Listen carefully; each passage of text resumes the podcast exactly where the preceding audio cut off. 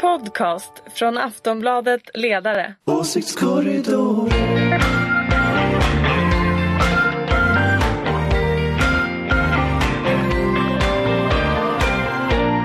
Hej och välkomna till Åsiktskorridoren. Eh, det är den 23 september idag. Det är höstavjämning och det har hänt mycket raffel i svensk politik. En del outsourcas i Tel Aviv förra veckan.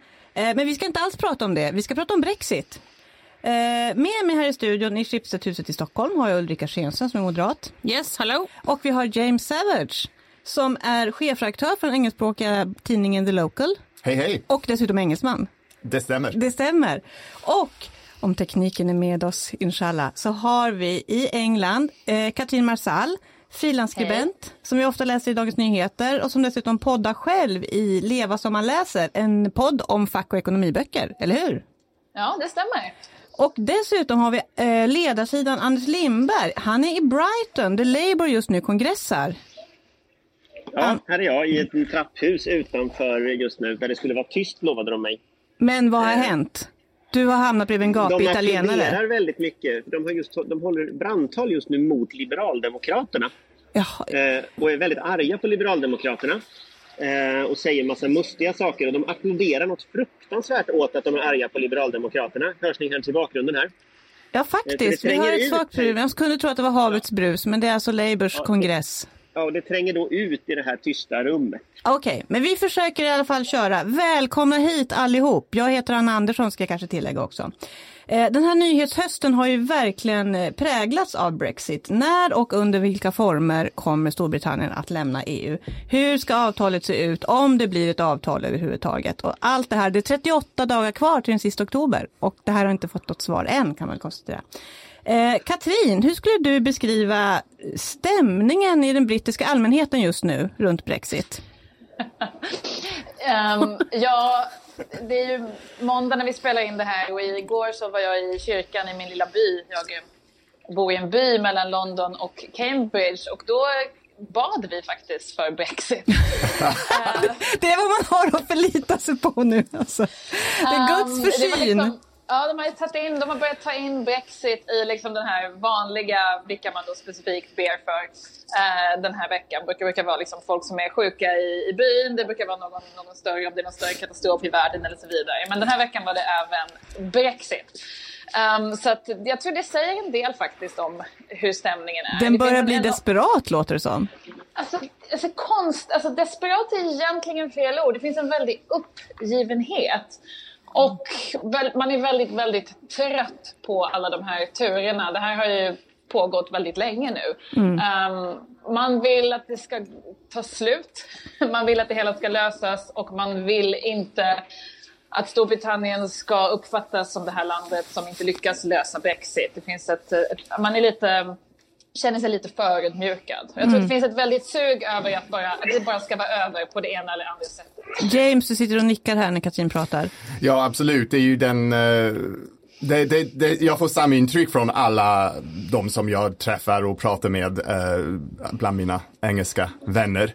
Ehm, både här och på kontinenten och, och, och hemma i Storbritannien. Man är, man är så trött efter tre år plus hela kampanjen som vi hade, upp, den uppslitande kampanjen som vi hade innan, innan dess.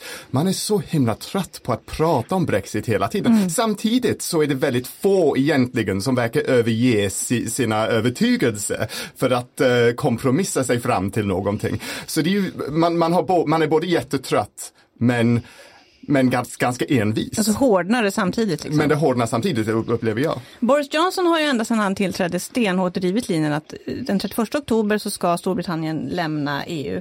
Eh, Katrin, vad säger du? Hur stor stöd har han bland britterna för den linjen? Alltså mycket större än man skulle kunna tro. Det är ju ganska svårt med opinionsmätningar. Opinionsmätningar är kanske ännu svårare i Storbritannien i alla fall om man får titta på hur, hur de har lyckats de, de senaste åren. Men alltså, det är klart att ett, Boris Johnson, för att lämna den 31 oktober så måste han antingen lyckas eh, förhandla fram ett nytt utträdesavtal och det har han inte så lång tid på sig.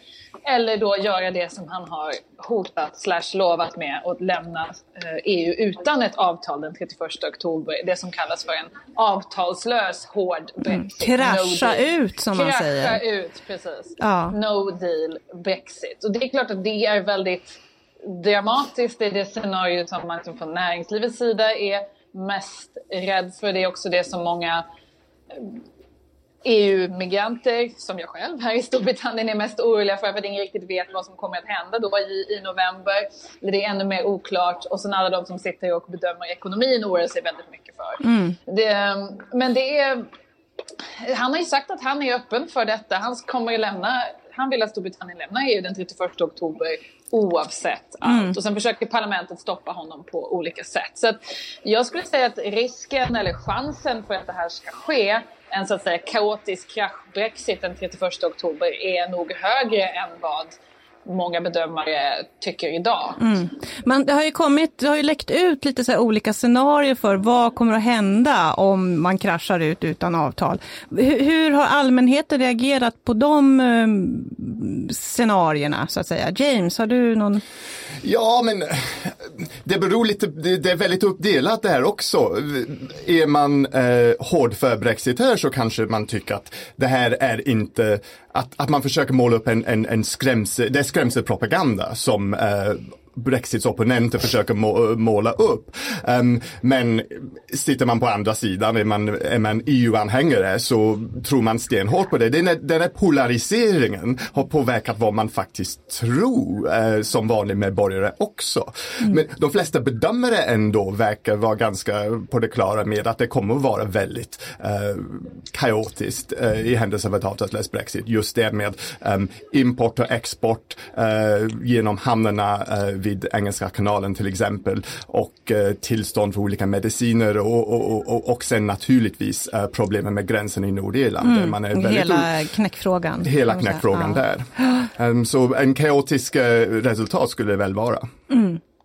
Uh, men det är ju inte bara, som sagt det verkar vara en polarisering bland befolkningen, men det är ju inte bara där utan det, det här går ju rakt genom partierna också. Och eh, Anders, du befinner dig alltså på Labours eh, kongress i Brighton just nu. Eh, ja. Hur är stämningen allmänt där? Alltså det är en otroligt konfliktfylld stämning. Eh, det, det, började ju i, i, förra veckan med att eh, den vänsterfalangen som styr Labour försökte avsätta vice partiledaren Tom Watson som då kommer från högerfalangen. Eh, och det har skapat jättemycket ont blod. Mm -hmm. Folk är väldigt, väldigt arga för det. Sen har vänsterfalangen slängt ut Labour Students som är då ungdomsförbundet snedstreck studentförbundet eh, som också är höger. Så det, det började liksom med en, man började med att rensa ut de motståndarna till Corbyn här. Och vad betyder, och det, det, vad betyder det i Brexitfrågan att man är höger? Alltså grejen är den att högern, det här är lite konstigt därför att både alla de här personerna som är höger och vänster som är ledande eh, är egentligen för att man ska stanna kvar i EU på olika sätt, utom Jeremy Corbyn själv. Och den falangen han kommer ifrån, den, den var liksom EU-kritisk från början och han var EU-kritisk från början. Men det som är hans falang idag, eh, som är då vänstern nu, den moderna vänstern i Labour, de är väldigt unga. Och där är alla för att stanna kvar i EU. Så han måste liksom balansera mellan sin traditionella uppfattning om att EU då är en kapitalistisk klubb och att hans medlemmar alltmer definierar sig som att man vill vara kvar i EU. Att det är liksom viktigare för dem än att de är Labour. Och det gör att här är alla då för, men partiledningen håller på att trassla. Och det senaste som hände då här, det var att eh, det partistyrelsemötet där man skulle ta det här dokumentet ställdes in. Så nu är både högern och vänstern här arga då på att man har ställt in mötet som man skulle diskutera det här på.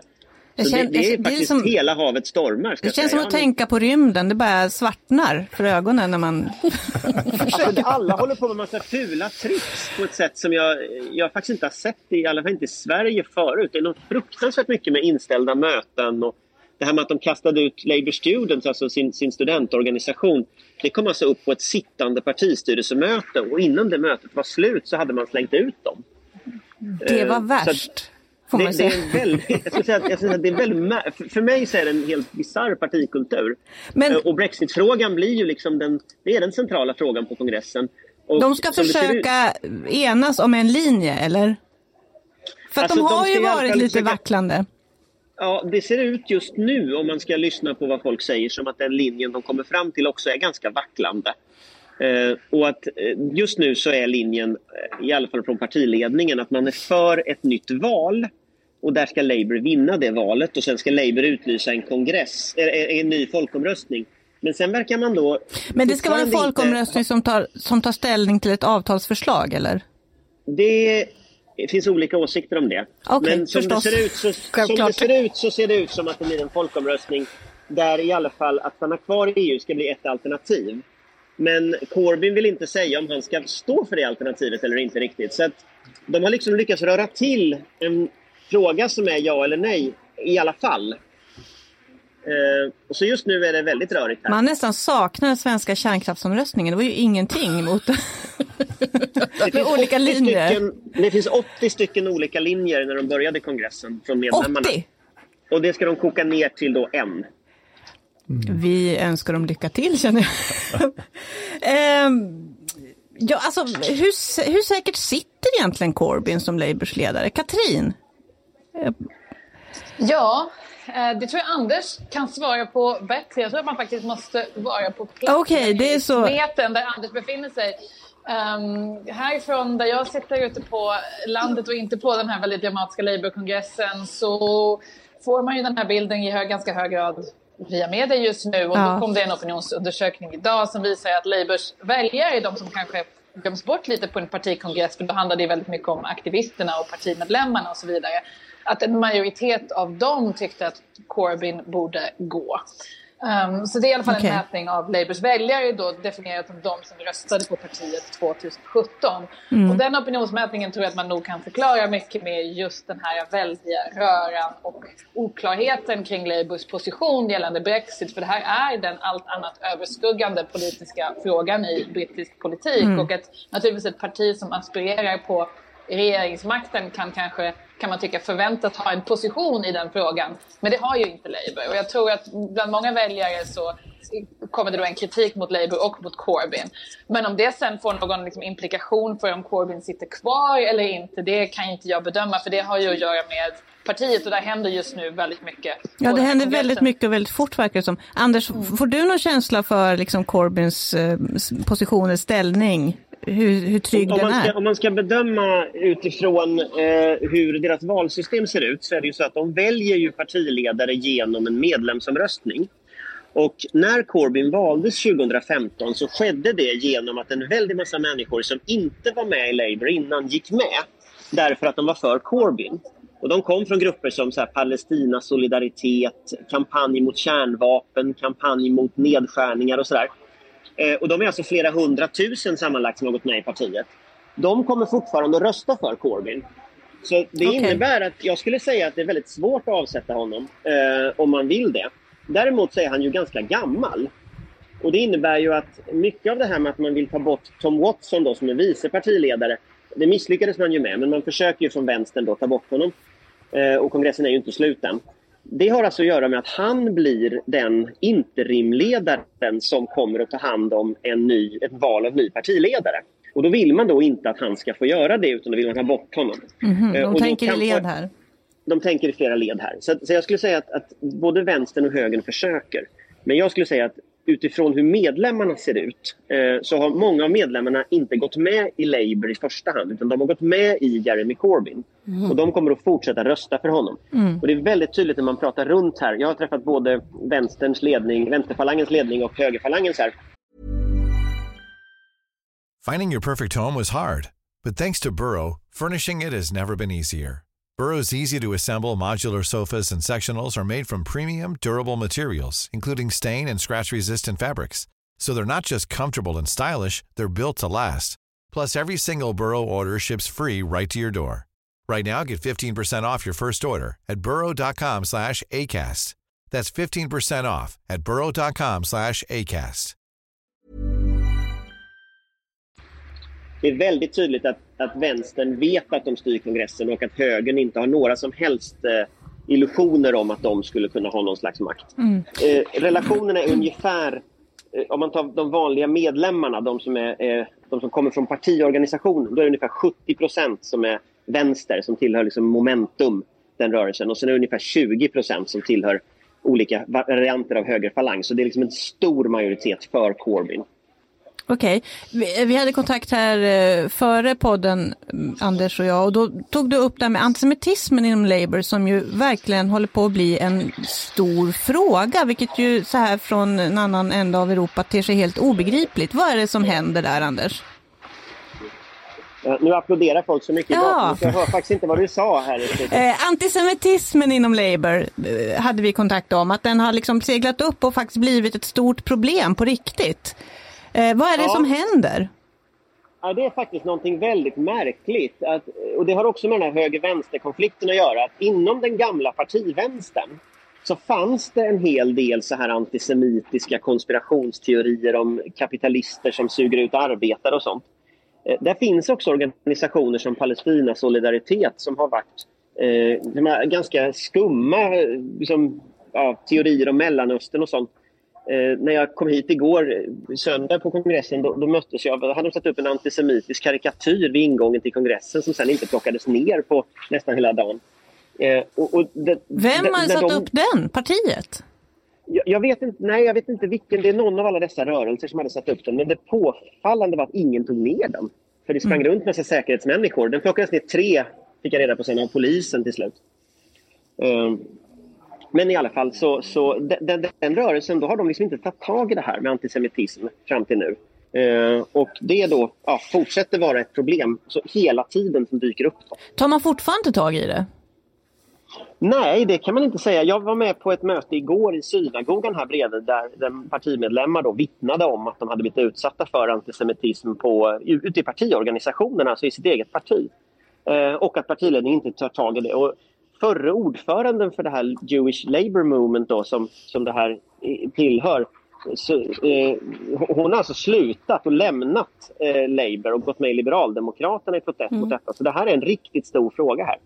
Det ter sig ju obegripligt som sagt var att man inte kan hantera men ja, James såg ut som... Ja, men, men problemet är att de här eh, organisationer som Anders var, var inne på eh, som har anklagats för antisemitism och som, som har gått ut med, liksom, som har, som har um, argumenterat antis, antisemitiskt, de är grupper som historiskt har stått Corbyn väldigt nära. Så det blir väldigt, de är, de är en del av hans falang. Jag säger inte att han själv stödjer antisemitiska konspirationsteorier, men den flora den. omkring eh, Corbyn gör det, så, så han, vi, han vilar på deras stöd. Han kan, han kan inte bara sparka ut dem eh, sådär och han vägrar att sparka ut dem sådär. Han har varit väldigt eh, flummigt i, när, när han har pratat om antisemitism i Labourpartiet. Mm. Ja, är det är verkligen en fråga att hålla ögonen på. Det, det Fruktansvärt Ulrika obehagligt och det känns som det här är väldigt länge sedan Tony Blair eh, ledde det här partiet. Men det är väl så att många kommer att gå till Liberalerna, precis som Anders sa, det var en fråga som jag funderade lite grann på. Men sen en annan reflektion kring allt det här, jag vet inte jag om det Katrin eller Anders kan svara mest eller kanske Katrin kan svara bäst på, jag vet inte. Men det känns ju onekligen som om eh, beteendena i, i både Tories och i Labour är lite för förblindade på inrikespolitik på något sätt. Att, att eh, möjligen så är det så att Boris eh, eh, hårdnackade beteende kan bero på att han vill ha tillbaka väljare från Brexitpartiet och att alla andra gör lite sådana här eh, taktiska utspel och, och har linjer som egentligen handlar om hur stort det egna partiet ska vara och inte egentligen handlar om varken Europa eller, eller någonting annat. Jag vet inte, det kanske är en konspirationsteori. Katrin, har du någon kommentar på det? Nej, nej, men det är på alla sätt verkligheten i brittisk politik och det tror jag att liksom de flesta brittiska politiska kommentatorer skulle eh, hålla med om. Alltså det här är ju generellt ett land som är, så att säga, de har en politisk debatt som väl alltid har varit väldigt mycket fokuserad runt Storbritannien, de brittiska politiska partierna och brittisk media och brittisk kultur. Och det har ju delvis att göra med att det är ett stort land, men det är också ett stort land som har varit en stormakt och också varit en mycket större stormakt än vad det är idag. Så att man har den, den traditionen. Um, Def definitivt. Och att, att arbeta som liksom utrikeskorrespondent i Storbritannien är lite speciellt i bemärkelsen att det är sånt väldigt fokus på, på um, inrikesmedia här och, och det brittiska politiska systemet är kanske ännu mer en bubbla än vad till exempel det svenska är. Så att, självklart handlar ju det här inte om om, om, EU eller Europa särskilt mycket nu för de två polis, stora politiska partierna utan det handlar om att Brexit håller på att slita sönder hela det politiska partisystemet. Labour slåss med det här på det sätt som Anders beskrev och det konservativa partiet har ju i någon mån slått om, slagits om det här sedan 1991 och de riktiga inbördeskrigen om EU-frågan började. Brexit-folkomröstningen var liksom en slags idé om att man skulle få ett slut på det hela. Det var ju vad David Cameron ville åstadkomma genom att hålla den här folkomröstningen. Mm. Och det har ju gått sådär. Det gick åt skogen kan man säga.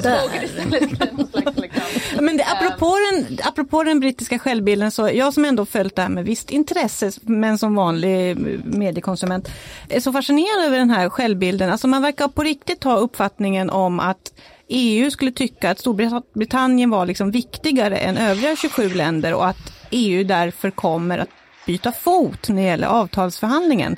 Vad är det jag inte förstår här? Tror man på riktigt att EU kommer att backa? Nu tittar jag på dig James, som ändå född i detta land. uh, ja, det, det, jag tror att vi, i, i, många lägen så tror man att EU eh, e kommer att byta fot. Man, man hör även liksom ganska erfarna journalister från Storbritannien som borde veta bättre. Uh, säga att EU kommer byta fot i slutändan för det ligger i deras intresse. Men, det, man, har, men man har en väldigt skev bild. Man, för det första så har man inte lärt sig egentligen hur EU fungerar. Um, och samtidigt har man inte, man har lite storhetsvansinne fortfarande och man tror att, eh, man tror att alla behöver rätta sig efter Storbritannien. Storbritannien har haft en demokratisk folkomröstning, det är det som väger tyngst tycker många brittiska journalister. Och så, så man, nej, man har inte egentligen förstått att det finns liksom två parter här och att EU har väldigt mycket att säga till om i de här, mm. i de här så förhandlingarna. Jag tror att det finns, om jag får komma ja, jag tror att det finns någon slags bild av att EU-samarbetet, och den går ganska långt tillbaka här i Storbritannien, att EU-samarbetet främst är någon form av ekonomisk transaktion. Och det är klart att det är en del av EU-samarbetet. Att det är den gemensamma marknaden och liksom vi tjänar på den här gemensamma marknaden och man går med i EU för att man tror att man tjänar på detta ekonomiskt. Och den bilden är väldigt stark i Storbritannien. Man har så att säga den synen på den Europeiska unionen. Och den delas ju inte av många andra länder, framförallt på kontinenten där man ser EU i väldigt hög grad som ett politiskt projekt. Det finns liksom moraliska aspekter, det handlar om fred britterna tenderar att se det som en ekonomisk transaktion. Och då tror jag att de gick in i den här förhandlingen tänkandes att liksom, ja, ja, EU säger alla dessa saker om europeisk enighet och att de e 27 EU-länderna ska hålla samman. Men det kommer nog att funka för oss att, så att säga, spela ut olika EU-medlemmars ekonomiska intressen mot varandra och därmed så att säga, få EU dit vi vill i de här förhandlingarna. Det fanns en bild till exempel, och finns fortfarande en bild av att i slutändan så kommer tyska, de tyska bilföretagen att på något sätt lyfta telefonluren till Angela Merkel och säga Look, det, Storbritannien är en så viktig exportmarknad för oss att nu måste du fixa ett avtal med britterna som de kan gå med på. Och det har inte hänt, det har inte de tyska bilföretagen gjort. Men, men en tro att de kommer göra det och fortfarande någon gång kommer göra det innan den 31 oktober, den är stark här i Storbritannien. Och, och fortfarande? ja. ja. Um, hur, hur rapporterar man? För jag menar, Boris Johnson har ju liksom antytt i alla fall att det, att det pågår samtal och han har olika idéer om hur man ska lösa Irlandsgränsen. Tror man på det i Storbritannien? För jag känner ju att man undrar vad man som undrar. pågår. Till mig, ja. man det. Alltså, det är en stor debatt kring om liksom Boris Johnson är seriös med att då nå ett avtal och hur konkreta hans förslag är. Och precis som James var inne på tidigare så var man står i den debatten beror på om man är för eller emot Brexit. Vilket gör det så otroligt frustrerande att följa den här eller vilken annan debatt som helst egentligen i Storbritannien. För att vilken åsikt man har om den här ändå ganska konkreta frågan. Har Boris Johnson förberett en, en lösning för, för Nordirland som han är beredd att presentera för EU eller har han det inte? Vilken åsikt man har i den frågan har att göra med om man är för eller emot Brexit. Mm. Och det borde det inte vara en åsikt om man har det. Ja, allting blir... Ja. Nej, exakt, exakt. Det är liksom en, men så är debatten och så är det, det är så som, som media ja, driver det här. Och Ja. det gör det väldigt svårt att faktiskt ta reda på vad som exakt händer. Hur, hur rapporterar man till exempel eh, i Storbritannien förra veckan när eh, Johnson hade varit i Luxemburg och den här famösa bilden med Luxemburgs premiärminister och det tomma podiet och sådär. Mm, hur rapporteras det? För men det var ju ganska, kunde man tycka, ganska osnyggt gjort av Luxemburgs premiärminister att mm, faktiskt förödmjuka Boris Johnson på det sättet. Även om det såg ganska roligt ut med det tomma podiet. Men, men det, var många, det var många som var inne på precis den linjen och var, och var, och var ganska förbannade på att han behandlades på det sättet och har sagt men han borde ha kunnat hitta ett rum, alltså för Boris Johnson bad tydligen om att få ett, ett större rum så de skulle kunna, skulle kunna vara inomhus långt ifrån de protesterande eh, britter framförallt som stod där ute med sina EU-flaggor. Ehm, så man, man uppfattade det framförallt som, eh, ja, som, eh, som att man var ohovlig mot eh, Boris Johnson. Ja, okej. Ehm, eh, men det är klart att det, det var också, det var också det, läste man The Guardian till exempel så hade man en, en helt annan Som är bild av ganska det här. kritisk Som är ganska kritisk. Så det är li- lite, det, det, det är vänster om, den, den tidning som står till vänster om mitten som är kritisk på, Boris Johnson som eh, är ganska EU-vänlig. Då hade man en helt annan bild av den här händelsen. Um, så, och där, där man klandrade mer på Boris än på um, än på, än på, än på, um, Lux, eh, än på Xavier Bettel. Eh, vi har ett, ett, ett sista kluster här att prata om och det är ju nyval. Kommer det bli nyval i Storbritannien? Vad tror ni? Anders? Eh, alltså, när man pratar med folk här i alla fall på kongressen så är de ju i valplanering. Okej, Och en del, de är redan där. I, de är redan där. Och, och en del i det att de är arga på det här med att de försöker avsätta vice partiledaren och slänger ut Labour Students, det är ju att det här är ju människor som ska bedriva valrörelsen. Eh, och då tycker man som argument att det där får man väl göra sen. Eh, och sen så att säga, så att man, vill liksom skjut, man vill inte ha de här falangstriderna. Men jag pratade med Momentum till exempel, den här stora vänsterorganisationen som backar upp Corbyn förut idag. Och de sa ju det att de har 180 kampanjgrupper igång runt om i landet som kan starta när som helst och bedriva valrörelsen. Eh, så att, så att både liksom partiorganisationen men även de här sidorganisationerna är redan igång. Och jag har väl inte hört någon här egentligen som, som tror något annat än att valrörelsen står...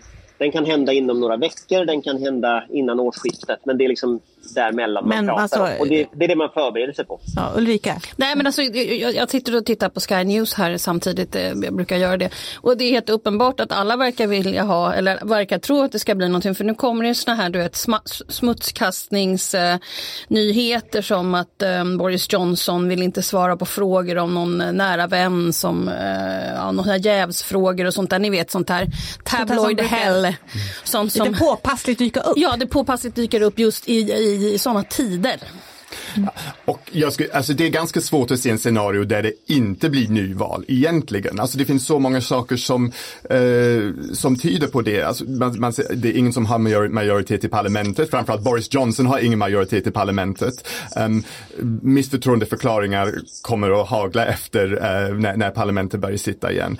Ehm, och man har inte hittat någon lösning till Brexit-frågan. Det är väldigt mycket som tyder på att det, att det måste bli nyval för att försöka få en lösning. Liksom, det är för låst ja. annars. Ja. Katrin, vad tror du? Ja, det verkar väldigt, väldigt sannolikt att det sker. Alltså Boris Johnson vill ju ha ett nyval nu så snart som möjligt, men eh, Labour går inte med på det än.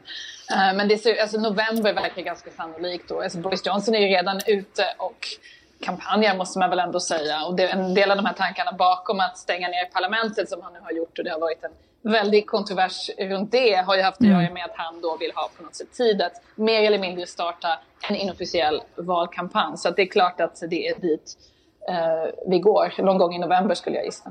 Någon gång i Och här november. säger, det kan jag säga också, här säger då Labour, eh, vilket också är intressant, för det, det, det är ju så att de har ju numera fasta, eh, fasta valperioder i Storbritannien, precis som vi har i Sverige.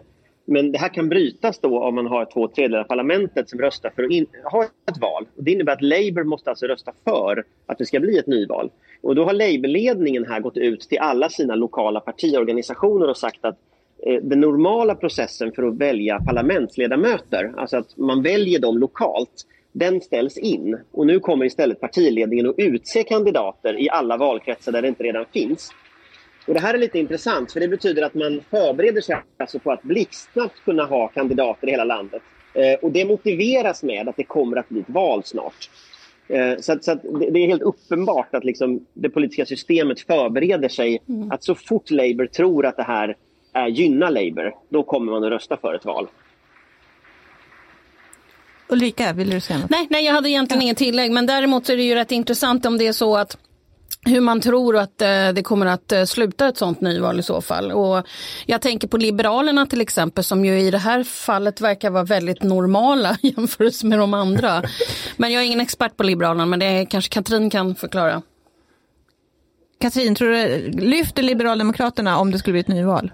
Mycket skulle ju tala för att Liberaldemokraterna lyfter. Alltså Storbritannien är ju fortfarande väldigt delat av den här Brexit-folkomröstningen och den opinionen har egentligen inte flyttat på sig utan det är liksom 52 procent ungefär som är, som är för och 48 procent som är emot. Och då skulle man som partistrateg naturligtvis tänka att något parti borde tala för de här 48 procenten av valmanskåren mm. som är emot Brexit. Och det enda partiet som gör det är ju Liberaldemokraterna. Och så då liksom utifrån den ganska enkla analysen så är det klart att Liberaldemokraterna, det enda parti som faktiskt är mot, enda stora partiet som faktiskt är emot Brexit, borde gå fram. Å andra sidan så är det inte så att det brittiska valsystemet på något sätt gynnar Liberaldemokraterna utan det gynnar de två största partierna, de konservativa och um, Labour. Och det finns även en diskussion om att Joe Swinson som då är den nya uh, yngre, ganska karismatiska ledaren för Liberaldemokraterna. Hon har tagit den här positionen att faktiskt vara helt mot Brexit, att faktiskt vilja ställa in Brexit. Och vissa menar ju att det här kanske är att gå för långt för att visserligen är en stor del av den brittiska befolkningen väldigt, väldigt eh, mot Brexit men man vill också på något sätt bara få det over and done with som de säger här. Mm. Och att då det här att ställa in alltihopa kanske är, att det går lite för långt. Så det, det, det, kommer väl säkert få testas. Samtidigt som om man ser vad som har hänt på Labour-kongressen, det kommer, det kommer spela henne i händerna tror jag eh, eftersom mm. eh, Labour efter att ha tangerat mot att vara lite mer emot Brexit, att vara lite mer för en, en ny folkomröstning och liksom det man skulle, skulle liksom argumentera för att stanna kvar. Man, man har rört sig åtminstone i den riktning de senaste månaderna. Um, och nu på den här kongressen skickar man, man ut uh, delvis ett annat budskap som kan hjälpa då Liberaldemokraterna att, att, att dra till sig ännu fler uh, stanna-väljare. Människor som faktiskt vill stanna kvar i EU. Ja. ja. Jag tror att vi ska avrunda där faktiskt. Jag säger tusen tack till Katrin Marsall och Anders Lindberg, båda två i England. Tack för att ni tog er tid att vara med. Tack också mm. till James tack. Savage, The Local, och tack. till Ulrika Schenström. Tack. Eh, nästa vecka är vi tillbaka med ett helt vanligt eh, Åsiktskorridoren. Vi ses då. Hej då! Hej hej! Hej då! Hej hej!